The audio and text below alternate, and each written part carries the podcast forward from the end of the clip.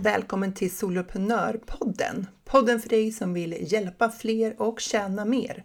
Jag heter Jill Nyqvist och det är dags att skapa stordåd.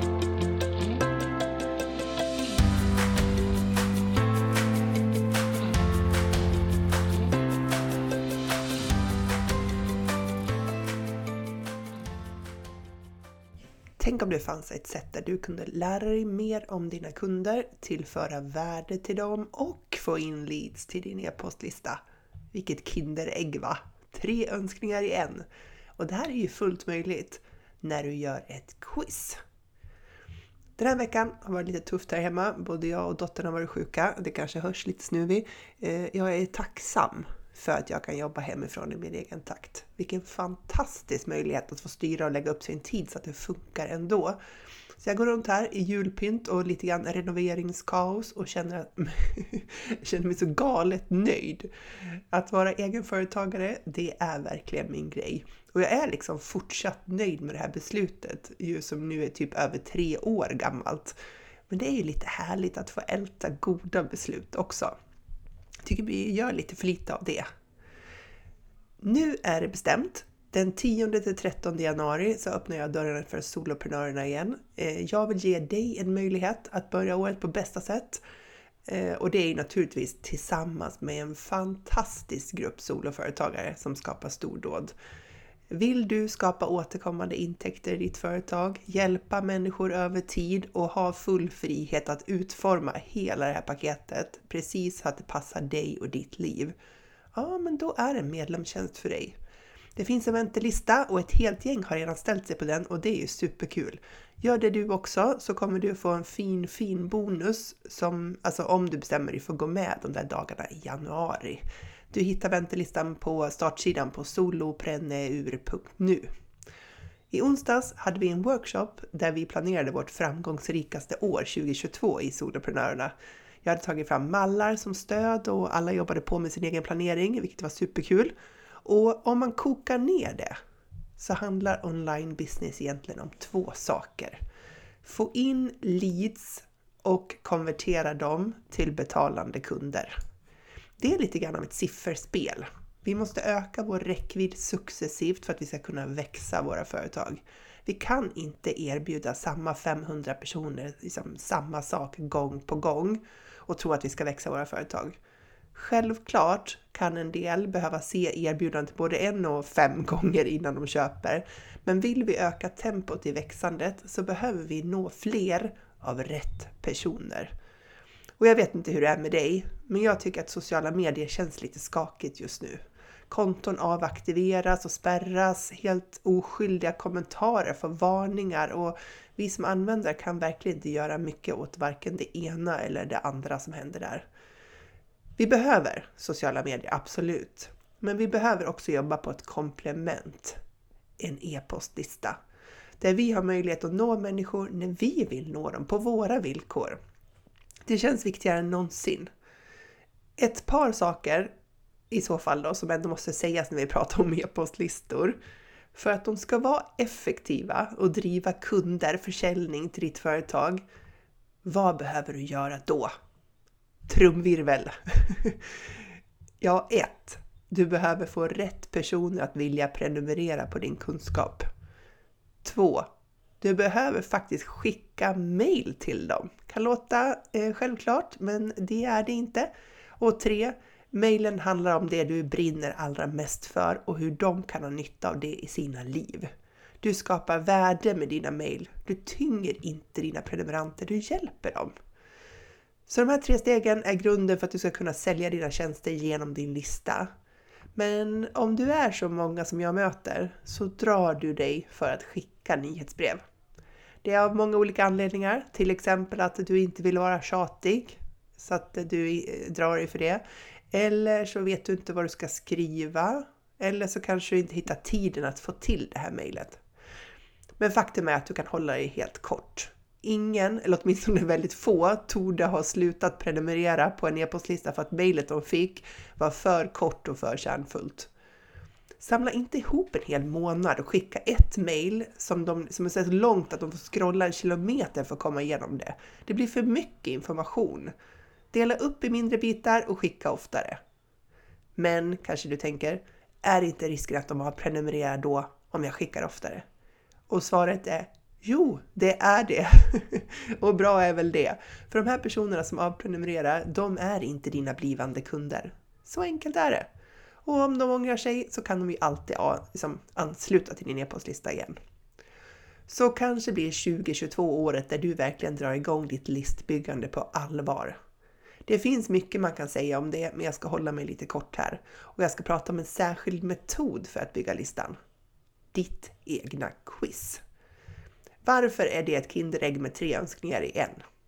Ja, du lär ju känna dina kunder, du tillför värde till dem och du får in leads. På vilket sätt lär du känna dina kunder när du skapar ett quiz?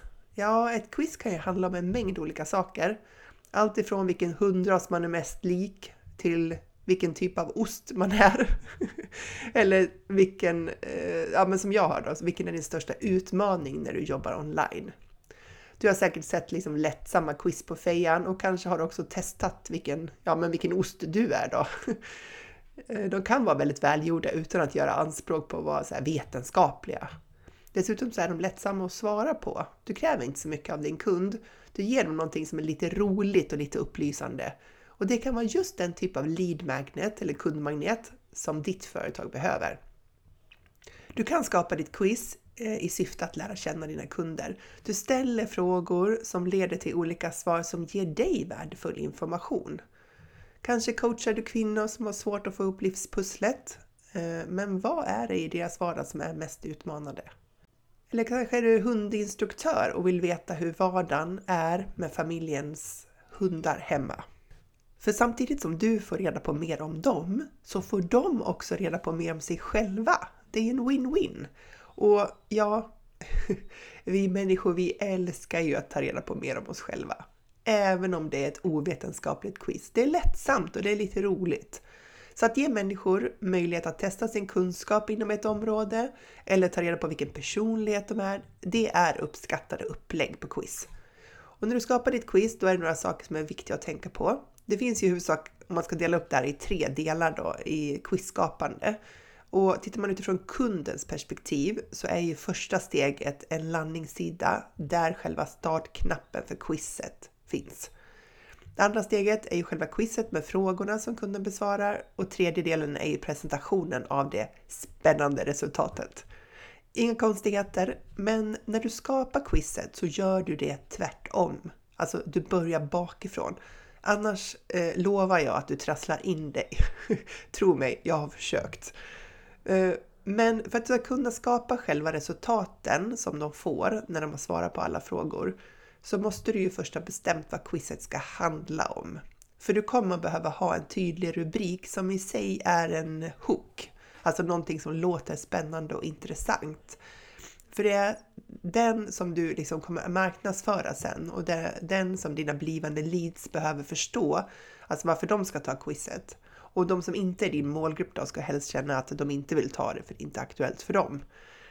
Sen när du har bestämt vad quizet ska handla om, då börjar du bakifrån, bakifrån och formulera de där olika resultaten som man kan få. Det kan ju vara ett poängintervall som man hamnar inom eller det kan vara olika personlighetstyper som man får eller eh, olika, i mitt fall då, olika utmaningar man kan ha. Så du börjar med att sätta ihop de tänkta resultaten och du får ju fundera lite grann vad som gäller för din quizrubrik men kanske tre, fyra resultat kan vara lagom. När du har gjort resultaten och fyllt dem med bra beskrivningar, gärna lite lättsamt uttryckt om ditt ämne tillåter det. Ehm, ja, det behöver, inte, alltså, det behöver inte vara omfattande beskrivningar av respektive resultat. De kan ju vara korta och kärnfulla. Ehm, men de ska ju vara ja, men träffsäkra.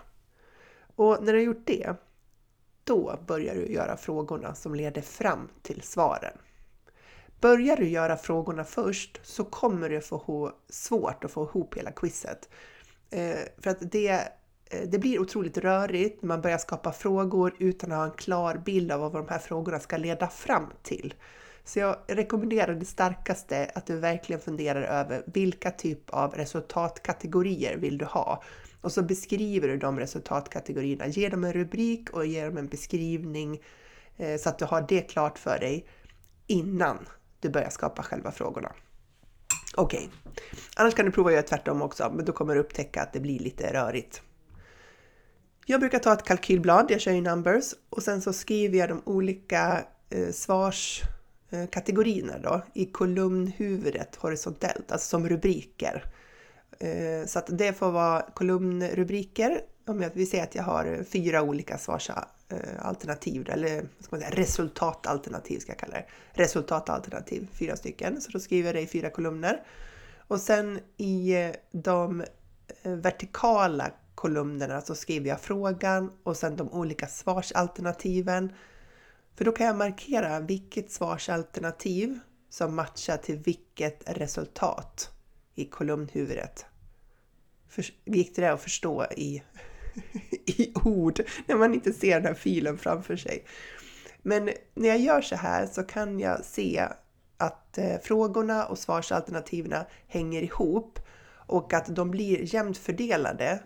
Eh, så att om jag vill att det ska vara lika stor sannolikhet att de hamnar på de olika resultaten eh, då måste det ju vara lika många möjligheter att få just det resultatet med de frågor och alternativ som jag har.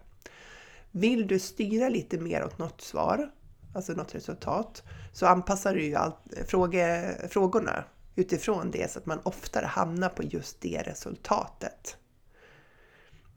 Det här är en ganska enkel process i teorin. Eh, att börja liksom med resultaten och sen skapar man frågorna och sen skapar man liksom landningssidan. Sådär. Men det krävs lite tankemöda här för att dels behöver du ju eh, hitta ett bra ämne till ditt quiz. Ett ämne som både lockar och skapar värde för dig och kunden. Och dels så behöver du hitta frågor och formuleringar som, ja, men som går att förstå det är lätt att vi inte är så tydliga som vi tror, så därför så rekommenderar jag att du jobbar över några dagars tid på det här så att du kan liksom sova på saken. För frågor som är supertydliga när du sitter med all information i ditt huvud kan visa sig vara så väldigt, ja, kan vara tvetydiga när du läser dem dagen efter. Så det är viktigt att din kund förstår frågan så som du har avsett frågan, så gott det går i alla fall.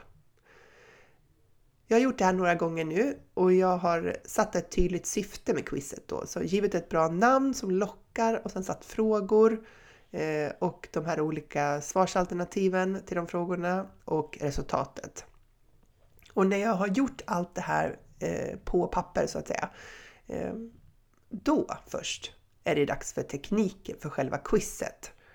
Det är inte en bra idé att hoppa rakt in i tekniken och sen börja skapa allt innehåll direkt i eh, tekniska systemet för quizet utan att ha tänkt igenom de här sakerna förut. För att det, det blir också väldigt rörigt och ineffektivt. Man får göra om många gånger. Så att ta dig tiden och gör förarbetet först för då kommer du ha mycket snabbare väg sen att sätta upp tekniken.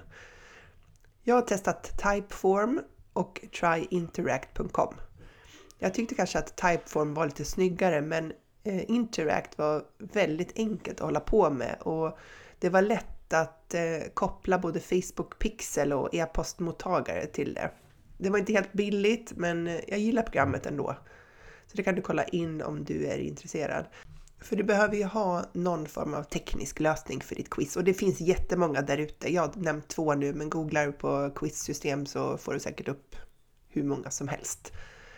Så att eh, själva teknikvalet för ditt första quiz, det blir liksom en, eh, en action point, det blir en eh, sak att göra eh, också. Särskilt när det är första gången då.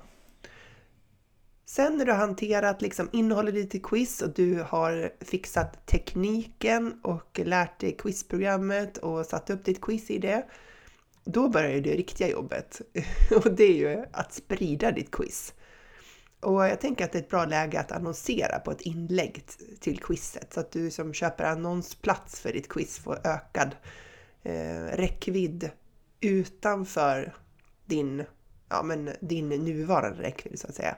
Då kan du bjuda in helt nya personer i din sfär.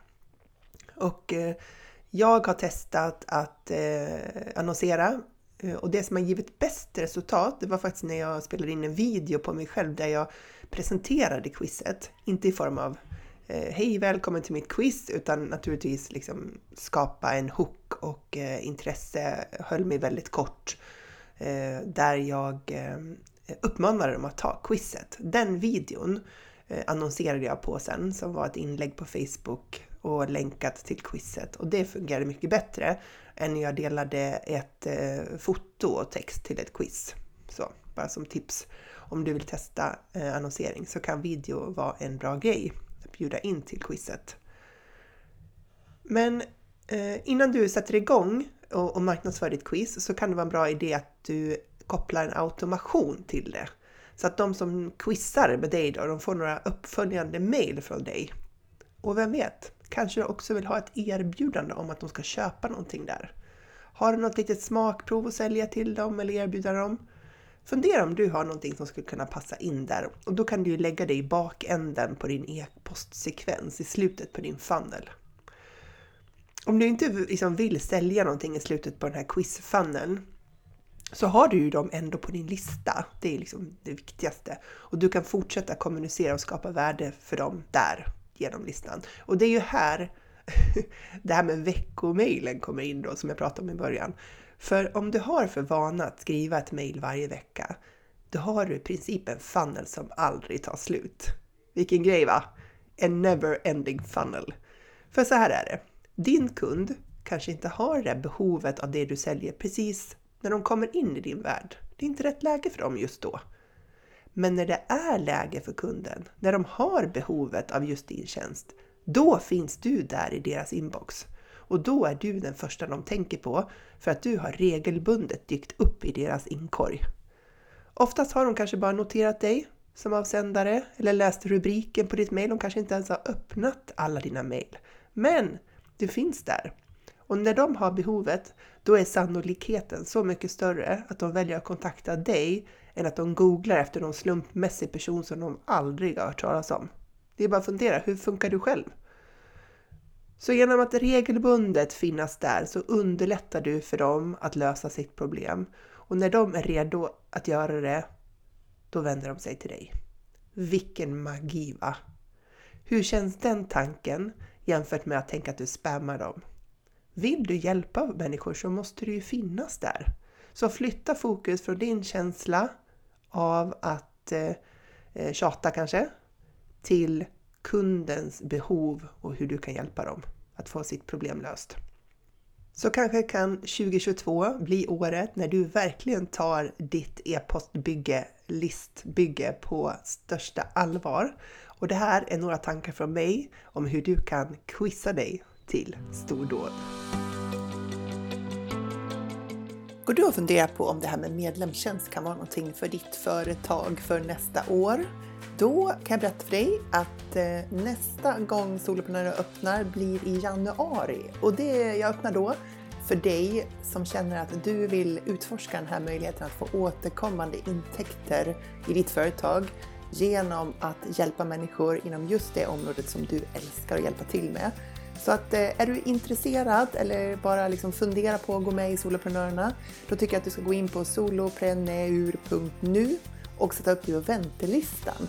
Förstår du på väntelistan och du väljer att gå med i Soloprenörerna nästa gång jag öppnar, då kommer du få ett fint, fint erbjudande. Så in där, solopreneur.nu och ställ dig på väntelistan. Det finns en knapp där på första sidan.